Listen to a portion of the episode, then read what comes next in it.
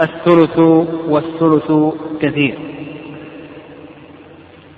في هذا الحديث قوله لو أن الناس قبضوا يعني نقصوا من الثلث إلى الربع.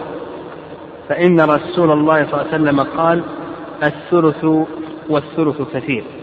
هذا الأثر عن ابن عباس رضي الله تعالى عنهما دليل على أنه يستحب للإنسان أن يوصي بربع بربع ماله ولا يوصي بالثلث لأن النبي صلى الله عليه وسلم قال الثلث والثلث كثير. وهذا ما ذهب إليه بعض العلماء رحمهم الله أخذا بهذا الأثر عن ابن عباس رضي الله تعالى عنهما. الرأي الثاني ذهب إليه الإمام أحمد أنه يستحب له أن يوصي بالخمس. يقول يقول الإمام أحمد رحمه الله تعالى رضيت بما رضي الله به لنفسه. يشير إلى قوله تعالى واعلموا أن ما غنمتم من شيء فأن لله خمسه وللرسول ولذي القربى واليتامى والمساكين وابن السبيل. والرأي الثالث نعم الرأي الثالث أن هذا يختلف أن هذا يختلف. يعني كونه يوصي بالثلث أو يوصي بالربع أو يوصي بالخمس أو ينقص أيضا عن ذلك أن يوصي بالسدس نقول بأن هذا يختلف باختلاف الورثة واختلاف المال. فإذا كان الورثة أغنياء ونحو ذلك فلو وصى بالثلث ولو وإن كان الورثة فقراء إلى آخره فإنه يغض وربما نقول الأفضل أنك تجعل المال للورثة لا توصي بشيء. يعني الأفضل أنك تجعل المال للورثة. المهم أن هذا يختلف.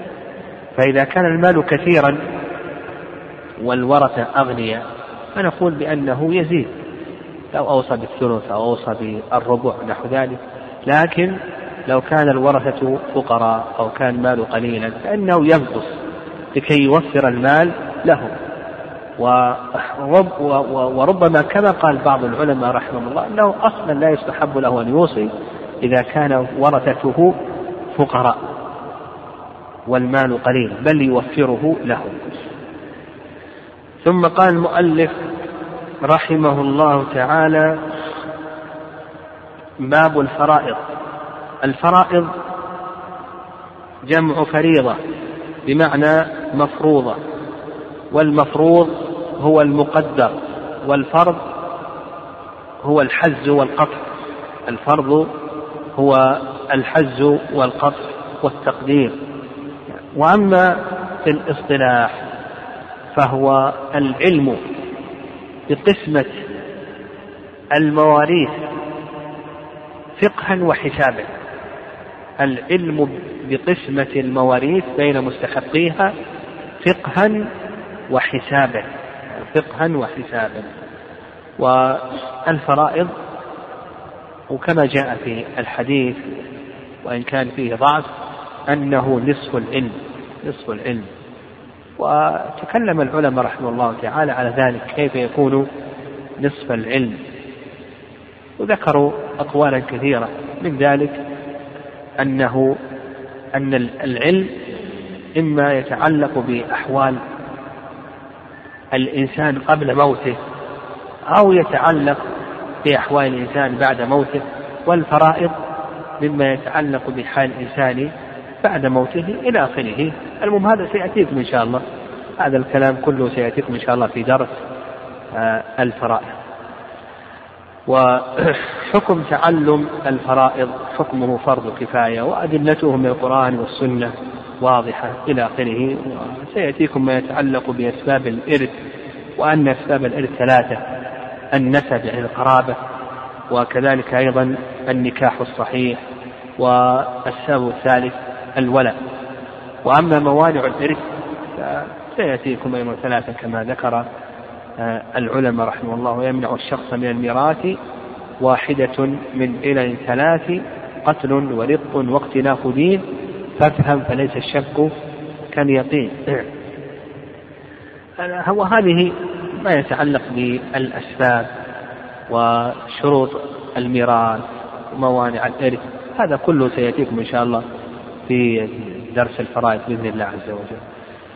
قال المؤلف رحمه الله تعالى عن عبد الله بن عباس رضي الله تعالى عنهما عن النبي صلى الله عليه وسلم ألحقوا الفرائض بأهلها. يعني أعطوا أصحاب الفروض ما قدر لهم من الفروض في كتاب الله وسنة رسول الله صلى الله عليه وسلم. ألحقوا الفرائض بأهلها. يعني ابدأوا بأصحاب الفروض وأعطوهم فروضهم. والفروض هي الثلثان والثلث والسدس والنصف والربع والثمن. وهناك أيضا ثلث الباقي ثبت بالاجتهاد ثلث الباقي. فعندك الفروض هي الثلثان والثلث والسدس والنصف والربع والثمن.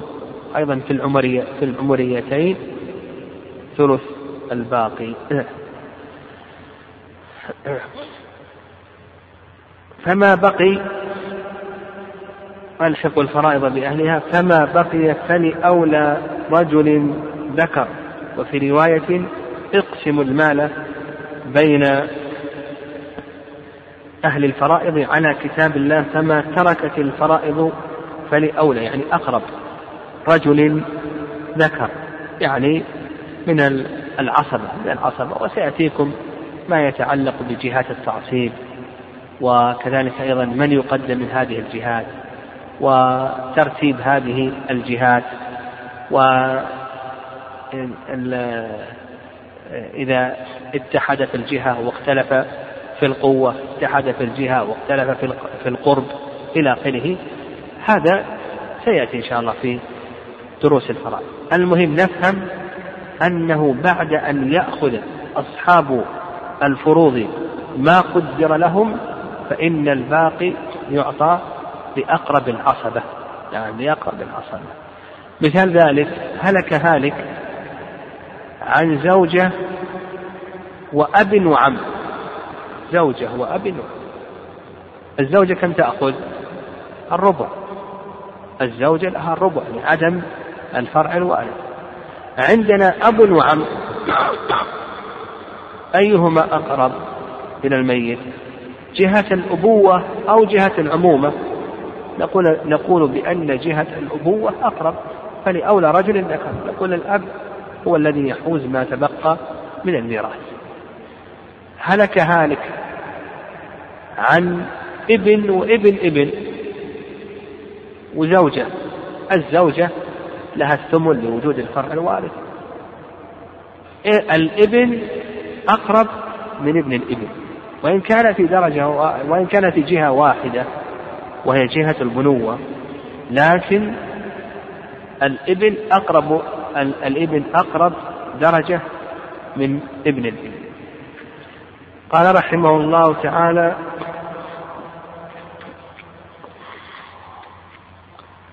عن أسامة بن زيد قال قلت يا رسول الله أتنزل غدا في ذلك بمكة.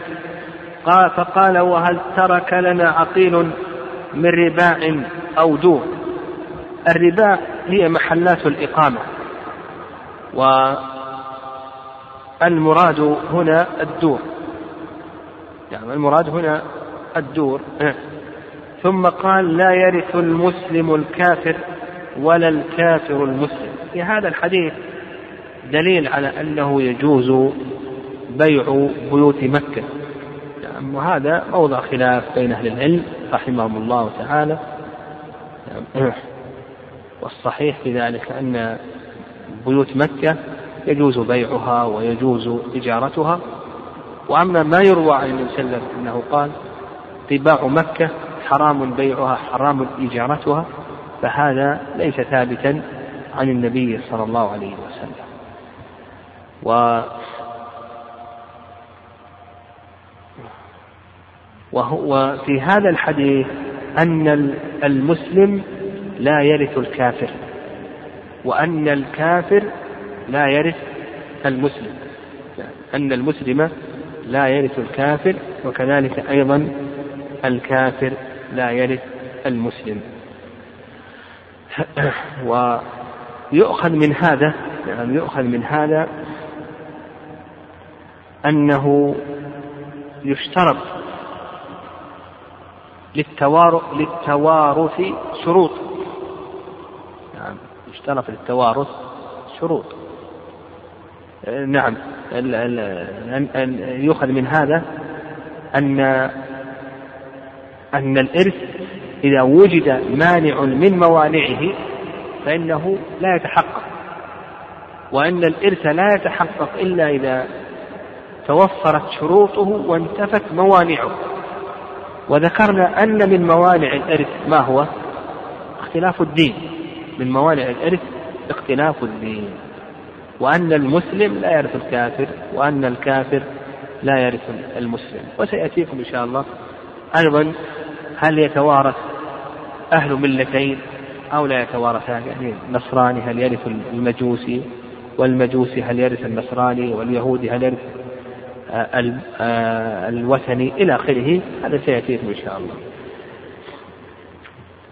فيؤخذ من حيث أسامة أن اختلاف الدين مانع من موانع الإرث كما سلف. قال المؤلف رحمه الله تعالى عن عبد الله ابن عمر رضي الله عنهما